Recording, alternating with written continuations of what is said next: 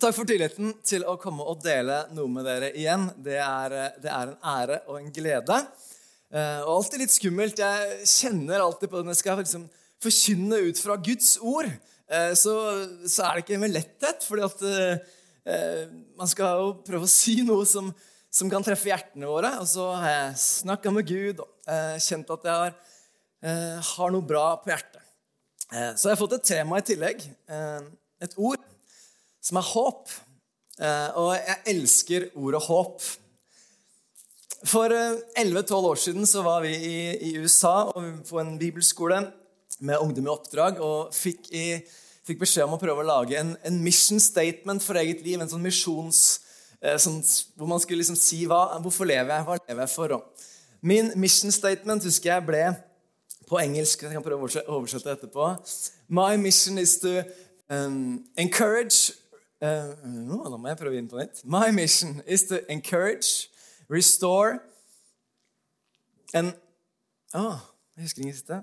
Hope and joy to people around the world. Mitt oppdrag er å oppmuntre, skape håp og glede for mennesker rundt omkring. Fordi jeg vet hvor håpet mitt kommer fra, og det er det jeg har lyst til å snakke litt i dag om. Derfor er tittelen på dagens preken og Tweens, nå må dere følge med. Når håpet tar over. Tittelen på dagens preken er 'Når håpet tar over'. Så Vi skal lese sammen fra Jeremia kapittel 29 og vers 11. Der står følgende. Jeremia 29, 11. For jeg vet hvilke tanker jeg tar med dere, sier Herren. Fredstanker og ikke ulykkestanker. Jeg vil gi deg framtid og håp. Jeg vil gi deg framtid og håp. Men ikke da så be sammen, da. Er du med når vi ber? Jesus Kristus, takk for at du er her. Det må jeg alltid takke for. for Hvis ikke du var til stede, Jesus, så hadde dette vært ganske tomme ord. Men takk for at du er her. For sangen står at du er til stede. Du er her. Og det er en så enormt stor forskjell. Jeg ber Jesus at hvis ikke vi forstår det med, med, hodet vårt, så ber jeg at vi skal skjønne og kjenne det med hjertene våre i dag. Jesus, at du er her. Takk for at du er her, Jesus, og da kan hva som helst skje. Takk for at da kan de som kommer her uten håp, komme ut med håp. Fordi at du er her. Da kan mennesker som følte at livet var tungt, gå ut og kjenne at dette livet her kan være enda lettere fordi du er her. Jeg ber Jesus at du hjelper oss å være bevisst på at du er her, Jesus. Takk for det. Amen. Amen. tenkte på det, da, Vi tar noen ganger sånn, vi, vi sier sånne kristne floskler. At Jesus er her, og så sier vi ja, det er flott og det er fint. Men tenk at Jesus, himmelens og jordens skaper, han har sagt at der hvor to eller tre er samla i mitt navn, der er jeg midt iblant dere. Og Innimellom så må jeg ta meg sjøl og ikke ta de tingene for gitt. Så ber jeg om at jeg skal leve i en stadig i, sånn, i en sånn friskhet. At jeg vet at Jesus er her. Det er jo enormt! At Jesus er til at han vil være sammen med deg og meg. Himmelens og jordens skaper. Han har lyst til å være her. Det er enormt. Og jeg håper ikke at vi liksom kommer på gå på møte søndag ut og søndag inn og bare tenker ja, ja, det er en fin aktivitet å ha. Men steike ta, folkens, det, det endrer jo livet vårt. At Jesus er her. Jesus har forandra livet vårt. Han er håp. Håp er et av mine favorittord. Ordet håp For meg så peker det framover. For at håp det forandrer ingenting som egentlig har skjedd i fortida, men det kan forandre alt som skal skje i framtida. Håp. Jeg syns det er et deilig ord. Utgangspunktet for det jeg skal dele med dere i dag, det starta for ganske mange år siden. så var jeg på en, eller enda lenger før dette, som jeg var på en kristen konferanse.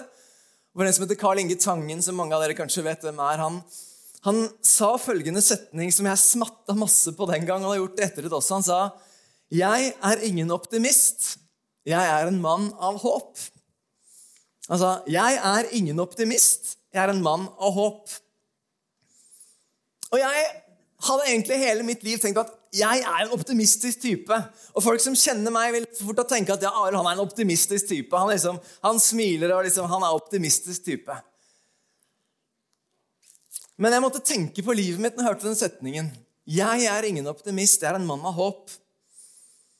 Og da må jeg tale meg tilbake og få beklage hvis du har hørt denne historien før, men eh, jeg kan, ikke, jeg kan, ikke, preke fra Guds ord uten å ta utgangspunkt i hvordan livet mitt hvordan det har truffet meg. hvordan det funker. Så Derfor må jeg ta tale meg tilbake til da jeg var 13 år. 1995. Jeg var som 13-åringer flest. Jeg hadde et kjempebekymringsløst liv. Jeg hadde det. Så jeg hadde en mamma og pappa som elska meg, og som brødre som krangla i ny og ne. Eller ganske ofte, egentlig, da, men det var greit. Det var en del av livet, det. Eh, jeg var ikke noe kranglefant, så jeg krangla sjelden med det. Jeg ville heller prøve å få det til å ikke krangle. Men livet var bekymringsløst og fint. Helt til pappa plutselig en dag fikk leukemi, han fikk blodkreft og var alvorlig syk. Han ble lagt inn på sykehuset i Oslo eh, etter bare noen dager. og eh, De dagene så sov jeg i leiligheten til onkelen og tanta mi i Oslo. Jeg husker den fredag morgenen eh, i mars 1995. Så ligger jeg på rommet til fetteren min, og så ringer telefonen. Så kommer eh, bestefar inn døra på rommet, og så sier han, 'Pappa er død'. Min perfekte verden var i løpet av en og en halv uke snudd på hodet. Min bekymringsløse verden var snudd opp ned. Jeg husker, jeg husker dagen, Selv om dette er over 20 år siden, så husker jeg det så godt. 25 år siden, over 20, veldig veldig lenge siden. Det, jeg husker jeg gikk fram og tilbake i stua. Jeg ville ikke spise, orka ingenting. Men jeg var livredd for telefoner. For resten av det året så skjedde det mange ganske forferdelige ting i min familie. Og hver gang så fikk jeg den beskjeden gjennom en telefon. Den ene gangen så hadde bare Kort tid etter at pappa døde, så sklei mamma og fikk nøkkel rett i tinningen, rett ved siden av tinningen. Og En centimeter unna så sa legen hun hadde dødd. Og den telefonbeskjeden fikk jeg også gjennom telefon. Noen måneder etterpå så ringte telefonen, og eh, min storebror Stig André, som hadde hatt det vanskelig, han prøvde å ta livet sitt, og telefonen ringte og kom med den beskjeden. Det gjorde at jeg var livredd for telefoner. Og lenge etterpå, så hver gang telefonen ringte, så tenkte jeg nå er det vel en kjip beskjed igjen. Jeg var langt ifra en optimist. Langt ifra en optimist. Vi kommer tilbake til min historie litt seinere. Håp. Når du og jeg snakker om håp i dagligtalen, så sier vi veldig sånn Jeg håper at det blir fint vær. I hvert fall der har du meg. Jeg elsker fint vær, så jeg håper mye på fint vær. Eller vi håper at toget ikke er forsinka, for jeg skal rekke jobben. Eller vi håper veldig mye på at Strømsgodset skal vinne den fotballkampen. Det er ikke sikkert at det skjer, men vi kan jo håpe. Kan jo håpe på det. Men det er ikke det ordet håp som jeg elsker. Det er ordet håp som Bibelen bruker. For Bibelen fortelles en litt annen, litt sånn dypere historie for hva håp kan være. Nå må du følge med. Vi leser først fra Jeremia, eh, kapittel 17, vers 7. Så står det følgende. Jeremia 17, 7.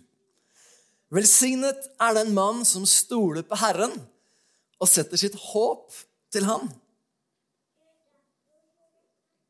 Bibelen lærer oss at håp det er ikke bare et ønske at noe skal skje. Jeg ønsker ikke, håper ikke bare at busstoget skal komme tidsnok. Men å ha sitt håp i Gud, det er å stole på at Gud holder det han lover. Å ha sitt håp i Gud er å stole på at Gud holder det han lover. I Salmenes bok i Bibelen så snakker David, forfatteren av de fleste salmene, han sier ofte om at Gud er mitt håp. Gud er min borg, min tilflukt. Så det å leve med håp, det er å møte hver eneste dag med et tillitsfull forventning til Gud, som overgår all usikkerhet og bekymring for framtida. For jeg veit at det er en Gud som har sagt 'Jeg vil gi deg fremtid og håp'. Så jeg kan ha en tillitsfull forventning at Gud han holder det han lover. Han har sagt vet du hva, 'Jeg skal gi deg framtid og håp'. Og da kommer han til å holde det. Så Håp er ikke det, jeg håper at Gud viser, kommer. Det er en tillitsfull forventning til at Gud, du holder jo det du lover. Så jeg håper ikke bare som at jeg håper at toget kommer, men jeg setter min lit til Jeg legger alt jeg har, på at Gud er nok. At Gud har det jeg trenger. Og liksom Vi skal se på tre ting som håpet kan være med å endre for deg og meg. Og som jeg har kjent på i livet mitt. Og Det første punktet mitt da, det er når håpet tar over for frykten. Når håpet tar over for frykten. Jeg sa i stad at jeg var livredd for telefoner. Det var jeg virkelig. Altså, det, jeg tror ikke du og jeg kan skjønne det. Jeg kan ikke engang skjønne sjøl. Var så livredd for telefoner. Men jeg var sikker på at en telefon det er en dårlig beskjed til meg. Men når jeg som ganske ung mann, etter at pappa hadde dødd, og, og sånn, så fikk jeg sjøl møte Jesus, så fikk jeg sjøl kjenne at de sangene vi hadde sunget på kvelden hjemme om, om en Gud som, som brøy med, det var ikke bare noen sanger som var fjernt og trygt og egentlig fint, men det var sant. Det var en Gud som elska meg. Så jeg fikk kjenne at håpet tok over for frykten. I Jesaja 41, 10, så står det følgende Frykt ikke, for jeg er med deg. Frykt ikke, for jeg er med deg. Vær ikke redd. Se deg ikke rådvill om, for jeg er din Gud. Jeg styrker deg, ja, jeg hjelper deg. Jeg holder deg oppe med min rettferds høyre hånd. Frykt ikke, for jeg er med deg. Så jeg kan, trenger ikke å frykte. Gud er med meg. Så på den måten for meg så ble det sånn at håpet tok over for den frykten. Vet du hva? Selvfølgelig så kan jeg innimellom være bekymra for hva som skal skje med barna mine. Jeg kan innimellom, eh, innimellom kjenne på frykt for hva som skal skje i framtida. Men allikevel så har jeg et håp som er så mye sterkere, som gjør at som vinner over den frykten for at, ikke, at ting, kan, eh, ting, kan, gå skikkelig skeis. For jeg har opplevd et håp som er sterkere. Hvorfor? For jeg vet at Jesus alltid er med meg. Frykt ikke, for se, jeg er med deg. Uavhengig av hva du frykter i dag, så kan du ha et håp om at Jesus Kristus er til stede. Frykt ikke, for jeg er med deg. Jeg er glad for at jeg slipper å frykte telefoner lenger. Punkt nummer to. Når håpet flytter inn med sorgen.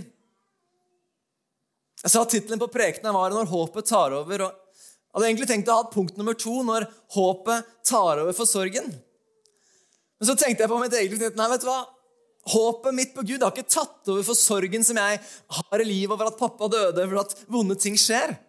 Håpet har ikke tatt over for sorgen. Men håpet har flytta inn med sorgen. Bibelen sier oss noe som jeg tenker er fundamentalt viktig om sorg. Hør her. I 1. Tessalonikerbrev skriver Paulus i kapittel 4 og vers 13. Jeg bare tar ut en setning her, for at vi ikke skal, det blir så, har så mange bibelvers i dag. Så dere ikke sørger som de andre, som ikke har håp. Her kommer hele på skjermen. Vi vil at dere skal vite, søsken, hva som skjer med dem som er sovnet inn. Dere skal jo ikke sørge som de andre, de som er uten håp. Du og jeg som tror på Jesus Kristus, Bibelen sier vi skal sørge. Du skal ikke prøve å gå livet videre uten å sørge, for det er ikke sunt for deg. Det er ikke bra for deg å ikke sørge. Du trenger å sørge. Men du trenger ikke å sørge uten håp. Du kan sørge med et håp. Og det er veldig stor forskjell på å sørge og tenke at alt er tomhet, og vite vet du hva, at jeg har et håp om for min del at jeg en gang skal få se pappa igjen. Jeg har et håp om at jeg en dag skal få stå ansiktet til ansikt og se pappaen min. Og mamma som det er sikkert mange av dere vet, er kjempesyk, og, og, og, på en måte har jeg mista henne, for hun er blitt så, dement at hun ikke helt kjenner meg igjen engang. Og, og det er sorgfullt, men likevel et håp som er sterkere. Et håp som jeg bærer med meg midt i den sorgen. Så håpet det tar ikke over for, men det flytter inn sammen med sorgen. Så hvis håpet kan leve siden med sorgen, så kan det løfte deg og gjøre livet lettere. Så kan det løfte livet mitt. Og jeg sørger, men jeg sørger med håp, og det håper jeg det også kan gjøre. Og Det siste punktet er nummer tre når håpet er større enn problemene. når håpet er større enn problemene. I det punktet her så er det en sånn samlepunkt som bare gjelder resten av problemene du har. så det er veldig greit. Nei, men La oss lese et bibelvers sammen som jeg synes er helt fantastisk i Efeserbrevet. Det er ganske langt, men vi, vi trenger å ta oss tid til å lese det. Efeserbrevet kapittel 1, eh, fra vers 17 til og med 23 skal vi lese. Så sier, så sier Paulus Jeg ber om at vår Herre Jesu Kristi Gud, herlighetens Far, må la dere få en ånd som gir visdom og åpenbaring, så dere lærer Gud å kjenne. Må Han gi dere lys til hjertets øyne, så dere får innsikt i det håp Han har kalt dere til, hvor rik og herlig Hans arv er for de hellige, og hvor overveldende Hans kraft er hos oss som tror. Med denne veldige makt og styrke reiste han Kristus opp fra de døde og satte ham med sin høyre hånd i himmelen, over alle makter og åndskrefter, over alt velde og herredømme og over alle navn som nevnes kan, ikke bare denne tid, men også den kommende. Alt la han under hans føtter, og ham, eh, og ham hodet over alle ting, ga han til kirken, som er Kristi kropp, fylt av Han, som fyller alt i alle. Jeg elsker når Paulus han sier at 'jeg ber om'. Og det, det er sånn jeg alltid også ber, og så før jeg skal eh, preke, så ber jeg om at jeg ber om at de ordene jeg kommer med, ikke bare blir noen sånne ord som treffer det intellektuelle vårt. Men jeg ber om at vi skal få åpenbaringer. Og så sier sier Paulus her at åpenbaringer Så dere, må, dere, må han gi dere lys til hjertets øyne. Åpenbaring for meg, det er å forstå med hjertet. Ikke bare når jeg forstår med hodet at jeg skjønner at Gud elsker meg. For det kan vi alle skjønne. Ja, jeg vet jo Gud elsker meg. Men den dagen hvor det treffer hjertet vårt, og vi kjenner at Gud elsker meg faktisk Det er så stor forskjell på de tinga der. Det er så stor forskjell på en personlig erfaring hvor du får åpenbaring med hjertet og ser Gud elsker meg. Han ser ut meg, og så elsker han meg. Blant alle så elsker han meg. Han sier at må han gi dere lys til hjertets øyne, så dere får innsikt i det håp han har kalt dere til. Det håp han har kalt oss til. Han har kalt oss til et mye større håp. Det er ganske stor sannsynlighet for at du har ting i din verden som er vanskelig. Det er ting som du syns er utfordrende, eller mennesker du kanskje sliter med. Kanskje det er regninger som er for store, kanskje andre ting som, som er vanskelig i livet ditt. Du vet om alle de tinga her sjøl. Nå vil jeg komme med et nydelig budskap i dag. Det er håp for deg. Og det håpet har også et navn. Det er Jesus Kristus. Paulus sier i de versene her at i det håpet her har vi alt det vi trenger. Hvor overveldende stor hans kraft er hos oss som tror. Han har lov til å være med oss. For så kan det godt hende vi har noen problemer innimellom. Men håpet er større enn de problemene du har. Håpet som vi har fått i Jesus Kristus, det er større enn de utfordringene vi møter i livet vårt. Nordkveldet, som mange av dere kjenner til, han regnes som de frie evangeliske forsamlingers far. Han siterte veldig ofte dette verset her fra Kolossebrevet, kapittel 1 og vers 27. Det også kommer opp på skjermen her. Kolossebrevet, kapittel 1, 27. Gud ville kunngjøre for dem hvor rikt og herlig dette mysteriet er for folkeslagene. Kristus er blant dere, håpet om herlighet. Eller Kristus i dere, håpet om herlighet. Fordi at Kristus bor i deg og meg, så du det oss tilgang til alt det Jesus har, har for oss.